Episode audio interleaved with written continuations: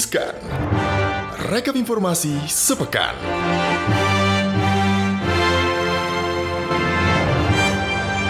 Makan gulali harganya cepat. Cakep. Ketemu lagi sobat cuan. Yeay. Sama siapa ketemunya? Tentunya ada Gibran. Ada Alin di Riskan. rekap informasi sepekan. Sepekan. Nah, sepekan ini banyak banget hal yang terjadi ya. Banget. Selain memang ada pemilu Amerika Serikat yang disoroti gitu ya, tapi Mhm. apa aja sih berita-berita seputar ekonomi, bisnis dan investasi yang paling menarik nih? Banyak Gibran? banget ini. Salah satunya adalah resep jitu Lokeng Hong di saham batubara. Waduh, gimana? Kita tahu kan ceritanya? beberapa emiten batubara memang agak eh, sedikit terdampak begitu kan. Tapi ternyata salah satu investor saham paling sukses di negeri ini, Lokeng Hong, yang juga dikenal sebagai Warren Buffett-nya Indonesia, ini dikenal dengan sebutan tersebut karena memiliki strategi untuk berinvestasi saham dan membiarkan investasinya ini hingga bertahun-tahun dan menghasilkan capital gain yang besar. Jadi value, value investing Istilahnya tentunya. gitu ya. Jadi usut punya usut, ini salah satu sektor yang paling disukai oleh Lokeng Hong adalah komoditas. Hmm, Jadi batu bara ini salah satunya. ya, ya? Bener, nggak ada alasan berbelit-belit. Cuma dia ungkapin kalau alasannya hanya karena harga komoditas yang selalu berfluktuasi. Oh, Jadi kadang naik, kadang, turun, gitu. ya. Berarti Dan- harus jeli nih. Bener, apalagi Lo Keng. Hong adalah investor jangka panjang gitu kan, long term bukan trader dia. Bukan trader ya, Kak. Jadi kata Lo Keng Hong, "Ja- saya beli saham batubara ketika bad time masih murah karena saya tahu harganya bisa kembali naik gitu kan. Hmm. Ketika harga baru batubara ini naik lagi, perusahaannya untung kan harganya juga atau harga sahamnya juga bisa naik 4000% dan Oh. saya jual. Itu yang dikatakan oleh Lo Keng Hong. Jadi ibaratnya butuh kesabaran gitu kan. Hmm, Jadi kalau sekarang nih mungkin bisa dikoleksi ya, tapi Benar. nanti cuannya beberapa puluh tahun lagi kali. Iya gitu. Tapi kan kebanyakan orang mau cuan cepet ya kan. mau cuan cepet. Ingat high risk high return ini sih. Betul. Nah kak nih tahu kapan membeli, kapan menjual ya Mhm. itu adalah salah satu strateginya Lokeng Hong gitu.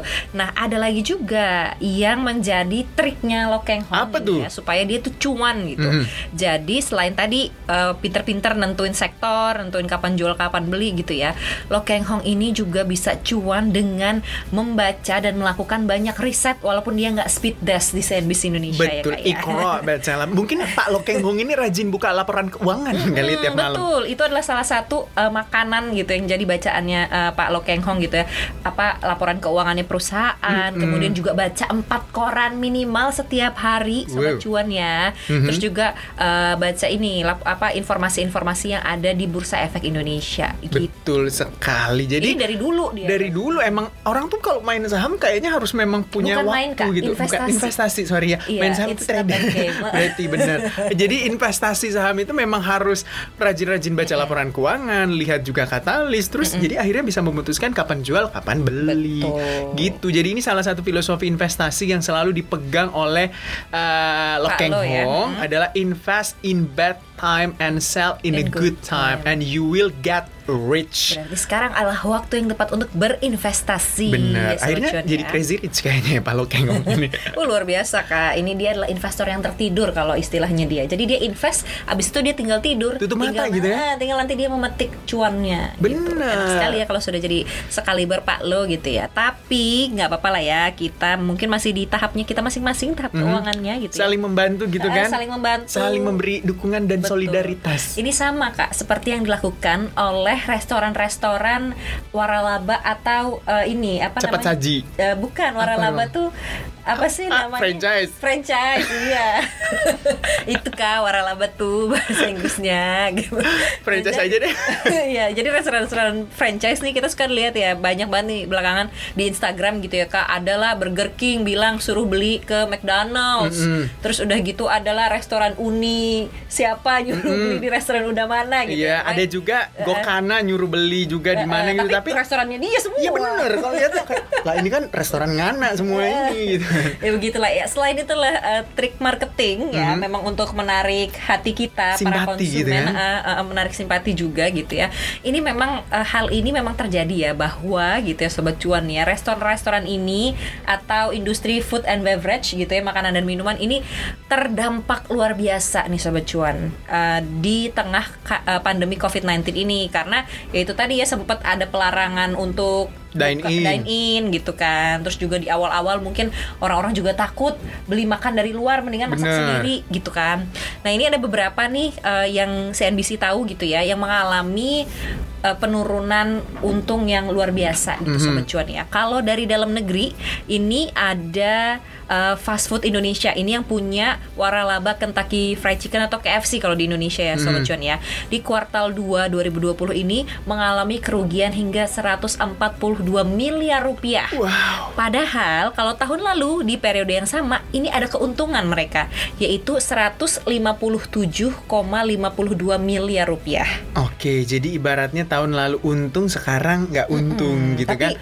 kerugiannya yang tahun ini mendekati keuntungannya tahun kemarin ya. Iya, ya, jadi sebenarnya minusnya hampir ya 90% kayaknya Betul. ya kalau kita lihat ya. Terus ada juga Sari Melati Kencana. Ini bukan penjual roti ya, tapi ini restoran waralaba Pizza Hut di Indonesia. Iya. Labanya mengalami penurunan hingga 89,49%. Wow. Jadi menjadi 10,47 miliar saja.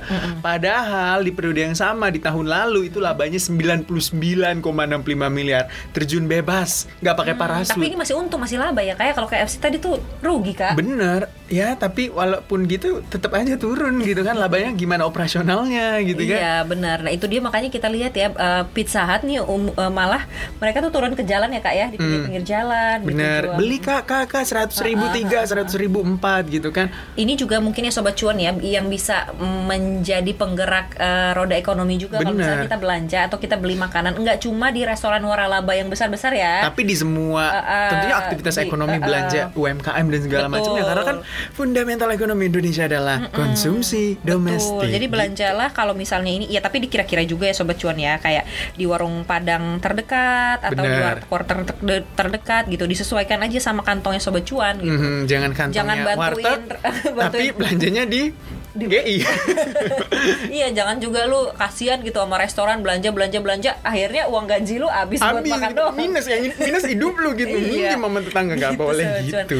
Harus pintar dan jeli seperti yang dilakukan oleh Elon Musk. Betul sekali karena sekarang Elon Musk dan Tesla ini menjual minuman alkohol. Waduh, Kok nggak bisa boleh ya? nih dia kalau ke Depok nih kak. Anggur. Kena sweeping.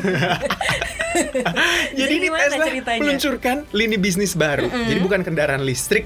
Gue kira nih alkoholnya bakal jadi bahan bakar gitu kan. Tapi ternyata melainkan minuman beralkohol. Ini sebenarnya awalnya adalah lelucon begitu yang diutarakan oleh Elon Musk. Tapi kini menjadi bisnis tequila milik Tesla. Jadi namanya Oh. tequila gitu ya. Hah? Jadi eh, Namanya bukan Tesla ya? Tesla tequila. ya bener tequila ya namanya mirip-mirip gitu kan. Jadi minuman ini dikemas dalam botol kaca buatan tangan. Uh, handmade ya kak Handmade, ya. mahal pasti benar. Berbentuk simbol muatan listrik atau Oh, petir. ya. Tetap ya. Sesuai. Satu botol minuman sebenarnya nggak terlalu mahal bagi orang yang punya duit, Duit. gitu kan. 250 US dollar atau 3,5 juta. Oke, Ya, eh, kalau Anda punya banyak duit bisa lah Anda beli Iya, gitu kalau kan. misalnya anda eh, tertarik gitu sama botolnya, tapi nggak Mhm. bisa minum alkohol gitu ya, ya nggak apa-apa itu buat hand sanitizer aja. Jadi kalau kita lihat itu penjualan tes eh, Tesla Tequila ini hanya tersedia di Amerika Serikat saja. Mungkin Anda mau masuk ekosistem Tesla gitu kan. Yang paling ekosistem murah ya. Apple gitu kan dari yang paling murah aja yang dibelinya. Tapi minuman ini juga hanya dapat dikirimkan ke negara bagian yang mengizinkan pengiriman alkohol. Ingat ya. Terus eh, lelucon tequila ini dari Tesla pertama kali itu dilontarkan pada 2018 oleh Elon Musk. Jadi ketika itu Musk men-tweet itu dirinya pingsan di depan Tesla Model 3 dikelilingi oleh botol Tesla Kila oh, gitu. tadinya bercanda-bercandaan doang kak. Kalau orang kaya gitu ya, oh, oh, canda-canda punya. wujudin gitu kan. Kalau kita ya nggak juga.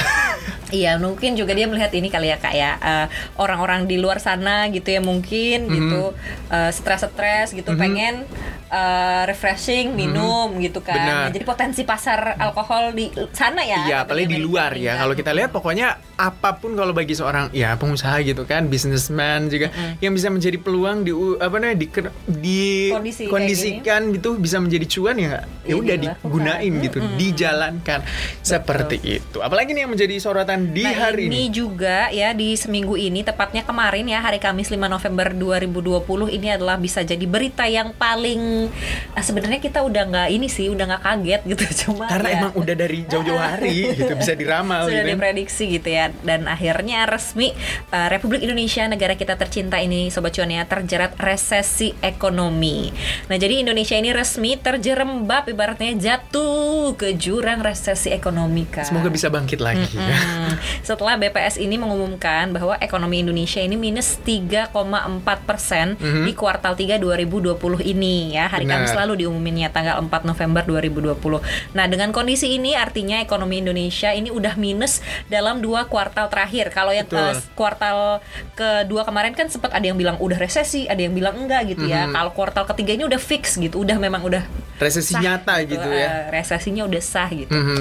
Karena di kuartal eh, dua kemarin juga kan kita udah minus 5,3 eh, Dua 2% persen. gitu ya. Betul. Mm-mm, jadi resesi ini sobat cuan kalau misalnya eh, sobat cuan ada yang belum tahu apa sih itu resesi gitu ya. Resesi ini adalah eh, suatu keadaan di mana ekonomi sebuah negara itu negatif dalam dua kuartal atau lebih secara berturut-turut. Betul sekali. Jadi, tapi walaupun kita lihat ekonomi kita itu di kuartal 3 minus 3 persen gitu, tiga 3,43 persen ya kalau saya, eh, 3,49 persen itu ag- agak ada sedikit perbaikan secara kuartalan. Jadi Betul. kituki Ini dari kata- kuartal 2 iya, ke kuartal Sri Mulyani 3. gitu ya, Kak? iya kata Bu Sri juga gitu. Harusnya agak lebih kita syukuri gitu karena perbaikannya itu 5 persen bahkan ya dari 5,32 minus ya minus 5,32 itu jadi minus 3,49 persen. Artinya ada perbaikan. Jadi ada kayak tanda-tanda gitu. Eh, pertumbuhan ekonomi sebenarnya naik. naik cuma, tetap minus gitu kan tetap minus gitu kan jadi ada aroma aroma perbaikannya semoga gitu kan diharapkan di kuartal ya 4 ini beberapa juga masih memprediksi begitu untuk kuartal 4 masih terjadi pertumbuhan ekonomi yang minus atau bisa 0% sampai dengan minus 0,1%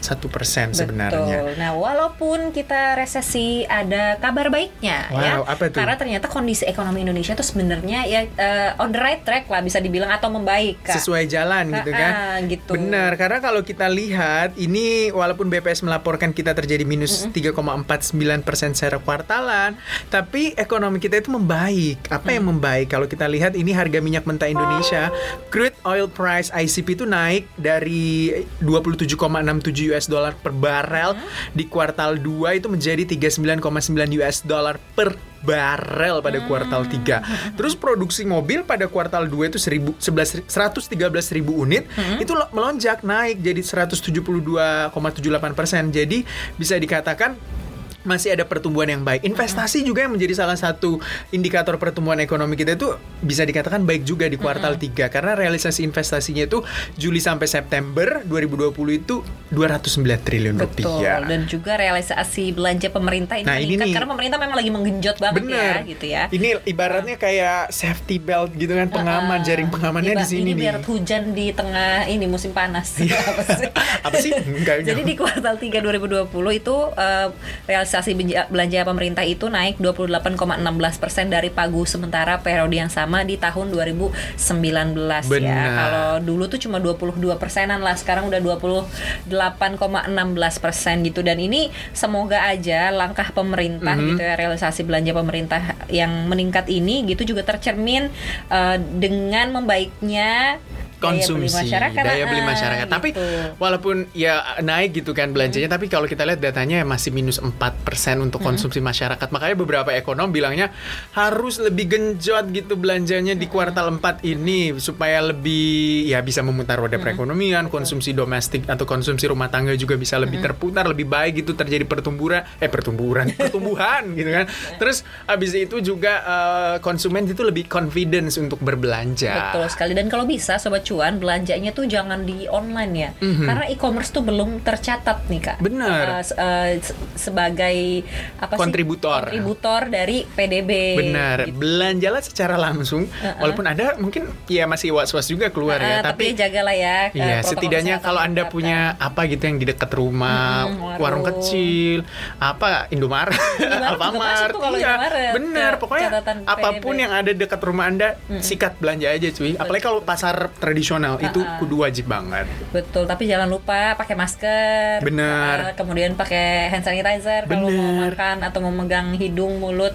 Dan apa lagi Wajah jaga ya? jarak. oh, jaga jarak Iya, benar gitu kan. Apalagi kalau udah putus jaga jarak. jaga jarak ya biar gak sakit hati atau baper lagi ya kak Gibran curhat di sini sobat Jangan cuan nantinya curhat-curhat cuan di sini jadi. curhat cuan ya nggak apa-apa sih eh, asal tetap menghasilkan cuan gitu Betul sekali. Itu dia tentunya sejumlah informasi yang menjadi apa ya paling banyak dibaca tentunya di Betul, dan CNBC juga Indonesia. informasi-informasi yang wajib diketahui oleh sobat cuan ya kita pilihin gitu. Kalau misalnya Gip kita Mhm. eh, sobat cuan gitu ya mau informasi yang lebih banyak lagi bisa lihat di mana? Langsung aja websitenya cnbcindonesia.com atau download aplikasinya di App Store dan juga Play Store kamu. Betul. Kalau mau ngeliat Gibran gitu yang mempresentasikan data-data ekonomi bisa banget Uh-huh. ke YouTube-nya CNBC Indonesia. Betul, atau langsung nonton gitu kan secara live bisa lah. Transvision channel 805. Eh, Hafal dia sobat cuan ya. Kan itu ada opening closing cuy.